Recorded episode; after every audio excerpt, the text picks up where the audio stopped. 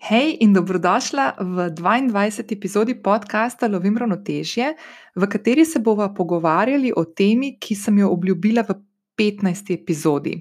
Takrat smo govorili o mreženju kot eni od ključnih sestavin za zanimivo življenje in grajenje podjetniške poti oziroma uspešne karijere. In če te epizode še nisi slišala, potem te najprej vabim, da skočiš na 15. epizodo in preveriš, kakšne so lahko tehnike, kako lahko tudi sama se naučiš enostavnega, avtentičnega, nefejkanega mreženja oziroma spoznavanja novih ljudi. Pa naj gre za neke zasebne odnose ali pa za tiste, ki bodo pomembni za tvojo poslovno pot. Danes se bomo osredotočili na to, kako spoznavaš ljudi, če si po naravi introvertirana duša. To pomeni, da si oseba, ki se ne želi izpostavljati, si v družbi mogoče raje tiho, kot da bi kaj preveč povedala, in svoje misli pogosto zadržiš zase in se ne želiš izpostaviti. In družabno življenje, ki ga predstavljajo obiskovanje dogodkov, druženja s prijatelji in tistimi, ki morda postanejo kasneje tvoji prijatelji, ti pogosto predstavljajo muko, In že sama misel na to ti lahko povzroči tudi tesnobo, tudi tako malo bolj globoke čustvene reakcije, že ob sami misli. In zdaj, preden skočiva v epizodo, te ponovno vabim, da če še nisi prijavljena na podcast Lovim ravnoteže, da to storiš zdaj prek aplikacije, na kateri trenutno poslušaš to epizodo. Vedno sem vesela tudi ocen in mnen, ki mi jih lahko pustiš na podcast aplikaciji, kjer se nahajaš zdaj, ali se mi oglasiš v zasebno sporočilo na Instagramu, tam me najhitreje najdeš, lahko mi pošlješ tudi e-sporočilo. S prijavo oddaje ocene in mnenja na aplikaciji, prek katere poslušaš podcast, pomagaš, da ta podcast slišijo tudi tebi podobne ženske.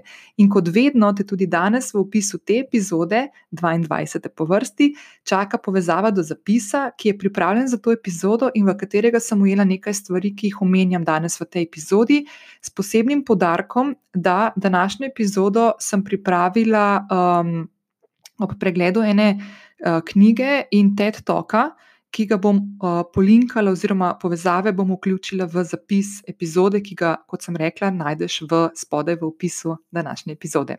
Pa skočiva v 22. epizodo podcasta Lovim ravnotežje. Okay, začnimo najprej z enim dejstvom, uh, ki bo posebej pomembno zate, če si po naravi introvertirana uh, oseba. Na svetu je vsaj tretjina, če ne polovica prebivalstva, ki je introvertiranega. Tako da uh, nisi sama, nisi edina in definitivno nisi v manjšini. In še ena stvar, ki je pomembna, je, da veliko nas je tudi takih, ki sodimo med ambiverte. To pomeni, da smo ljudje, ki v sebi prepletamo oba pola, intro in ekstrovertiranega. In pri tem se eh, odločamo glede na naše razpoloženje, cilje ali pa neko situacijo v danem trenutku in izberemo tisto, kar nam v tistem trenutku najbolj sede, kot neko reakcijo na to. Ali bomo, na primer, konkretno raje ostali doma v petek zvečer, ali bomo šli uh, v družbo. Uh, jaz lahko zase rečem, da sem celo življenje ekstrovertirana oseba. Vedno sem bila rada v družbi. Primer, um, ko sem še delala za odprto kuhno, uh, projekt, ki ga verjetno poznaš in si morda že tudi obiskala kakšno od teh kulinaričnih uh, uh, tržnic uh, v Ljubljani ali v katerem koli drugem mestu, ki se nahajajo. Uh, jaz sem odprto kuhno, tudi preden sem z njimi začela sodelovati, vedno rada obiskovala in dejansko sem. Uh, prvih nekaj sezon uh, te kulinarične tržnice vsak petek preživela cel dan na trgu. Tako da sem si vzela čas, da sem šla iz pisarne, vse sestanke, vsa srečanja z novinarji sem imela tam. In jaz sem bila blazno presenečena takrat, ko mi je veliko ljudi reklo, da na odprto kuhno ne grejo, zato ker jim gužva ne ustreza. In teh ljudi je veliko. In jaz sem bila ena redkih, ki sem rekla: Jo, meni je pa ravno to, da je full gužve uh, zelo všeč. In če je bilo to še nekaj let nazaj, lahko danes rečem, da počasi začenjam v sebi spoznavati tudi introvertirani del moje, mojega značaja, moje osebnosti. Zato, ker v zadnjih obdobjih veliko časa preživim sama, veliko časa sem raje doma, kot da grem ven. In ugotovila sem eno pomembno stvar. Da se nivo energije v meni lahko viša ga ne dobim samo od zunaj, od drugih ljudi. Naprimer, včasih sem imela občutek, da če sem šla v družbo, ki mi je ustrezala, sem lahko svoje telo napolnila z svežo energijo. Danes ugotavljam, da lahko to naredim tudi, ko sem sama. In zdaj, če si po naravi introvertirana oseba, potem veš, da lahko ta osebnostna karakteristika pomembno vpliva tudi na tvoje, ne samo um, družabno življenje, ampak dejansko tudi na tvoje poslovno življenje. Zdaj, če si v službi ali pa če si samostojna podjetnica, ali pa morda si ravno nekje na prehodu, da razmišljaš o tem, da bi šla v samostojno podjetništvo.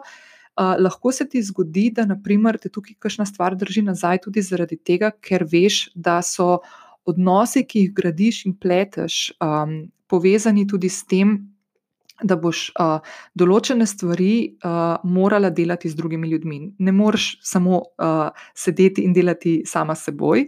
Uh, svet je prepleten in družaben, že sam po sebi, tudi ljudje po naravi smo družabna bitja. Mislim, da zdaj v tem času, če to uh, epizodo poslušaš v realnem času, se pravi, tako kot sem jo izdala, uh, smo uh, na začetku aprila 2020 in trenutno, ravno na današnji dan, smo. Uh, v četrtem, kot zaključujemo četrti teden samoizolacije zaradi uh, COVID-19 virusa, ki je praktično ustavil svet.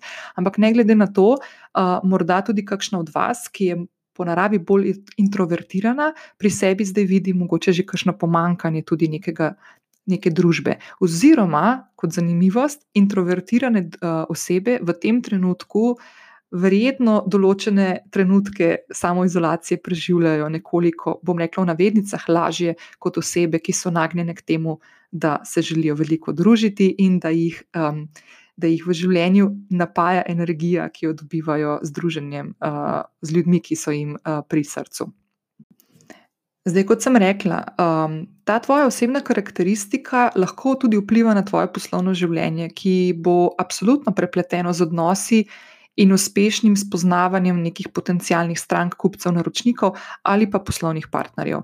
In vprašanje, s katerim se bomo danes ukvarjali, je, ali moraš za uspešno podjetniško pot spremeniti svojo naravo in ali lahko najdeš načine, ki bodo dejansko podpirali tvojo introvertirano dušo. Danes se bomo osredotočili na to, in jaz lahko povem, da sem večino vsebine za današnjo epizodo podcasta dobila in jo na hitro povzela iz knjige Quiet, ki jo je napisala Susan Kane. Uh, Susan Kane je avtorica, ki govori o tem, kako lahko svojo introvertirano naravo uporabiš v svetu, ki ne zna biti tiho. In um, Susan Kane je bila uh, še nedolgo nazaj uh, oseba, ki je imela blazen, blazen strah pred javnim nastopanjem. In uh, njeno, uh, njen govor, ki ga je naredila na TED Talku, ki ga bom tudi po, um, bom dala povezavo in do knjige, in do tega videa v zapisu epizode, ki ga boš našla spodaj v tem descriptionu na aplikaciji, kjer zdaj poslušaš. V tem TED Talku je ona govorila točno to, kako se je pripravljala na govor in kaj vse je doživljala kot introvertirana oseba. Zakaj je njena knjiga in njeno razmišljanje blazno pomembno. Zato, ker smo še nedolgo nazaj eh, živeli v svetu, ki nas je vedno spodbujal v to, da smo družabni, da moramo biti ekstrovertirani, da če si introvertiran, to ni ok. Eh, zdaj, jaz kot oseba, ki je ekstrovertirana, teh stvari nikoli nisem zelo, zelo doživljala, ker. Ker jih nisem znala ponotraniti, ker jih nisem razumela, ker niso bile skladne z mojo, z mojo naravo. Ampak uh, veliko, veliko um, uh, debat je bilo okoli tega v desetletjih, kako pomembno je, da se družimo, povezujemo, kako je treba networkati, mrežiti in tako, in da to mora vsak znati. In nihče se ni nikoli ukvarjal s tem, da so ljudje na tem svetu in ne v manjšini, smo nekako kar razpolovljeni po enakovrednih uh, deležih ki enostavno na stvari gleda drugače in mora drugače funkcionirati na drugačen način, in tudi to je ok. In zdaj, naprimer, Susan Kane je eno fulepo prispodobo dala, oziroma eno tako povezavo je naredila, da lahko naprimer ta uspon razumevanja introvertiranih ljudi povezujemo z, naprimer, z usponom um, ženskih pravic v sredini prejšnjega stoletja, ko, v času uh, revolucije, ki je vzplementela v, v 69. leta, ali pa naprimer s preporodom uh, afroameričanov v ameriški družbi, ko so se začeli res, res glasno zauzemati za svoje pravice. Ali pa naprimer s tem, da tudi ženske konec koncev res dobivamo neko mesto počasi v družbi, ko postajamo enakovreden v vseh delih življenja, enakovreden player, igralec v družbi. Podobnost, podobne stvari Susan Kane opisuje, da se dogajajo tudi na ravni introvertiranih oseb v družbi, kjer so nam celo življenje starši, naši stari starši govorili, kako moramo biti res družabni, in smo bili prepričani, da je to treba tako delati. Danes pa ugotavljamo, da dejansko ni temu treba delati tako, ampak se lahko prilagodimo uh, svojemu načinu razmišljanja, svojemu, uh, svoji duši, lahko prilagodimo ne samo zasebno, ampak tudi poslovno življenje. Po mnenju Susan Kane, avtorice knjige Quiet, je moč introvertov v svetu, ki ne more nehati govoriti, v tem, da se končno tudi prepozna moč introvertov v tem, kar mnogi menijo, da so dejansko njihove slabosti, ampak gre za prednosti in njihovo moč. In zdaj, preden nadaljujeva z epizodo in se sprehodiva skozi pet različnih načinov, ki ti lahko pomagajo tudi po tem primreženju. Uh, se najprej sprehodiva skozi nekaj res krasnih značajskih karakteristik introvertirane osebe.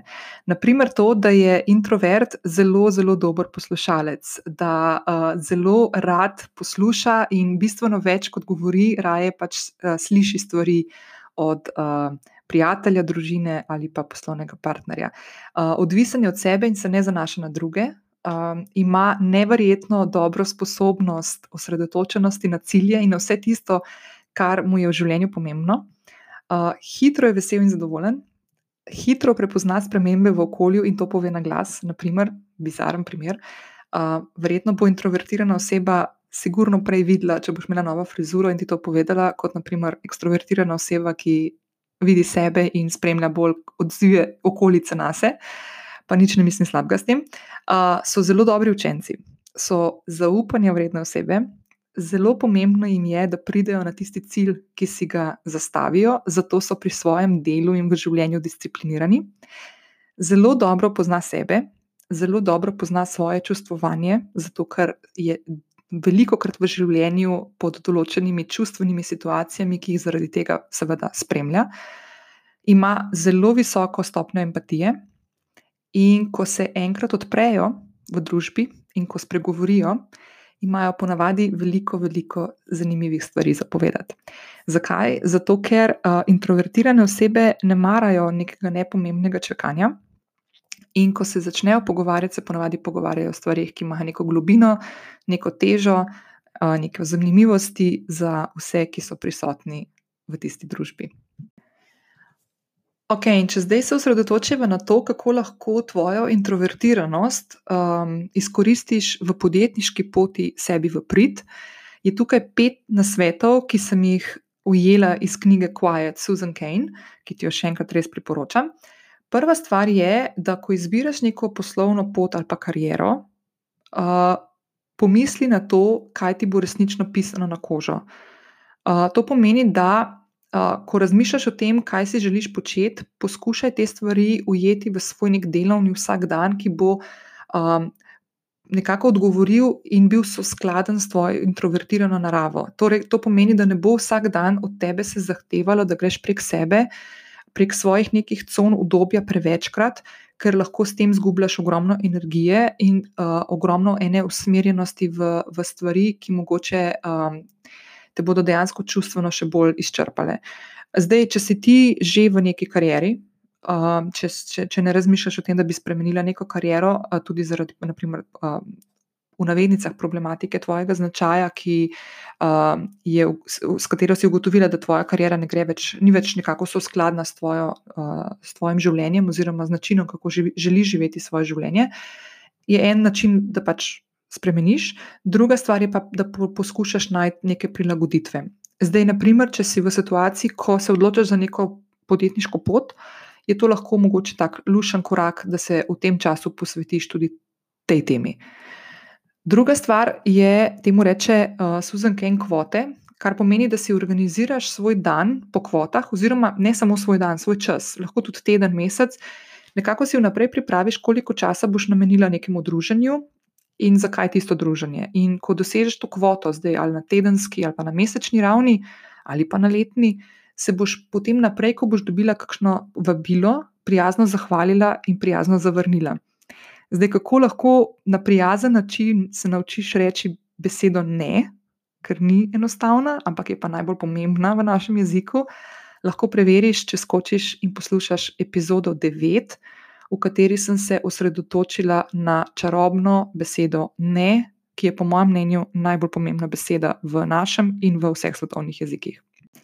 Tretja točka je, da ko mrežiš na enem dogodku, ko se znajdeš na enem dogodku, upoštevaš pravilo enega.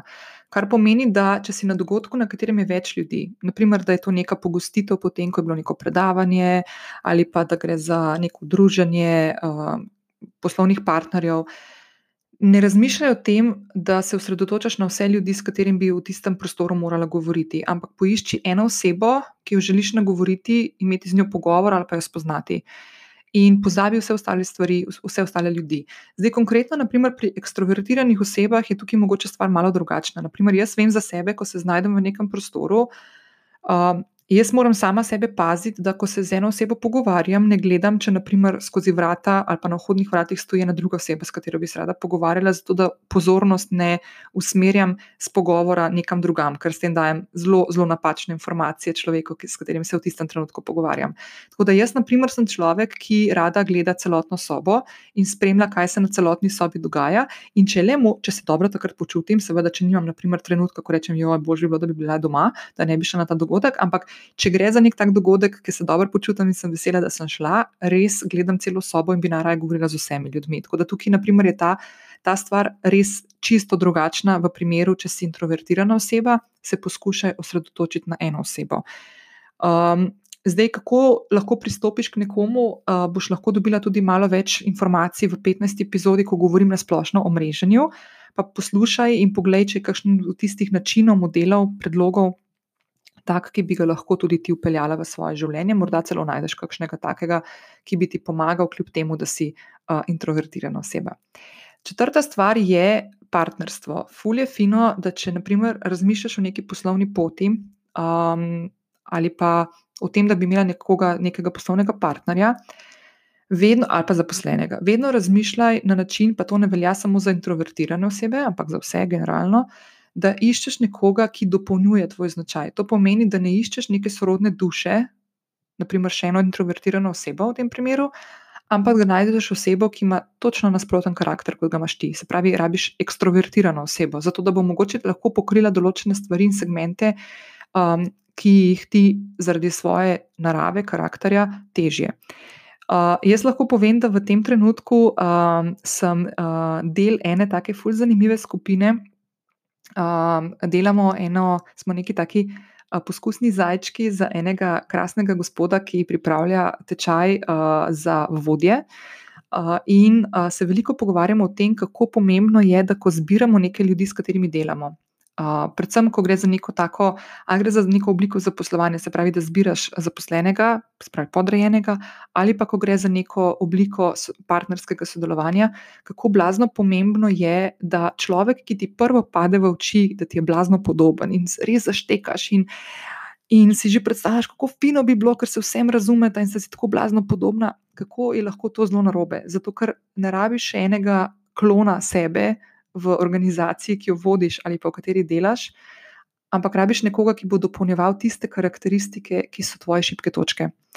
In tukaj je podobna mentaliteta. Tako da, če si introvertirana, okoli sebe poskušaj najti osebo, ki je bolj ekstrovertirana, da lahko določene stvari, naprimer tudi v poslovanju ali pa v mreženju, mogoče oddela.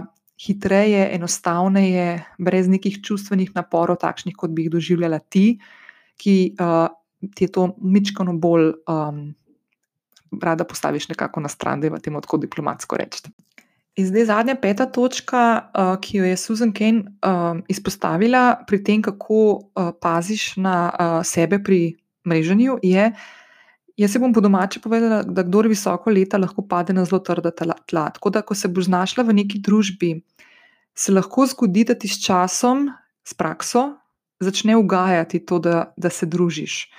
Uh, ampak ne pozabiti na tisto tvojo krasno sposobnost spremljanja tvojega čustvenega razpoloženja.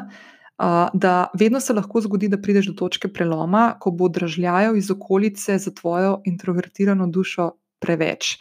In zato je fino, da se takrat umakneš, da nisi preveč zahtevna do sebe, da tega ne jemliš kot poraza, da tega ne jemliš kot, o moj bog, sem že mislila, da sem ful veliko naredila na sebi, pa zgleda, da nisem, ker to ni to. Tako da super je, da treniraš, tako kot bi hodila na fitness, dvigovati teži, tudi ta del. In vsakeč lahko narediš en mečkan korak naprej uh, v tej smeri, da, si, vem, da se pogovarjaš z več ljudmi, da greš na več dogodkov in tako naprej. Uh, kot naprimer, da se zdaj sekiraš uh, in ukvarjaš s tem, da, da si stopila par korakov nazaj, pa si mislila, da si šla že naprej. In zdaj tudi za te velja to dejstvo, ki sem ga jaz v 15. epizodi podcasta, ko sem govorila o mreženju, uh, povedala, da ti svojo mrežo že imaš.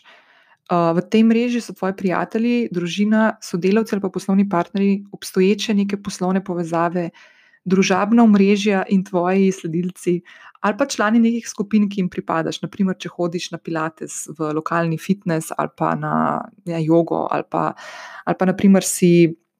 Vključena v spletno, v kakšen spletni tečaj, pa so tam ljudje, pa se prek kakšne Facebook skupine pogovarjate, kaj vse ste se uh, naučili in si um, predajate neko znanje in izkušnje, in tako naprej. Tako da mreže v svojem življenju imaš in ne, uh, ne, ne se fokusirati na to, česa vse nimaš, v primerjavi s kakšno tvojo prijateljico, ki je blazno ekstrovertirana in se ti zdi, da vse pozna.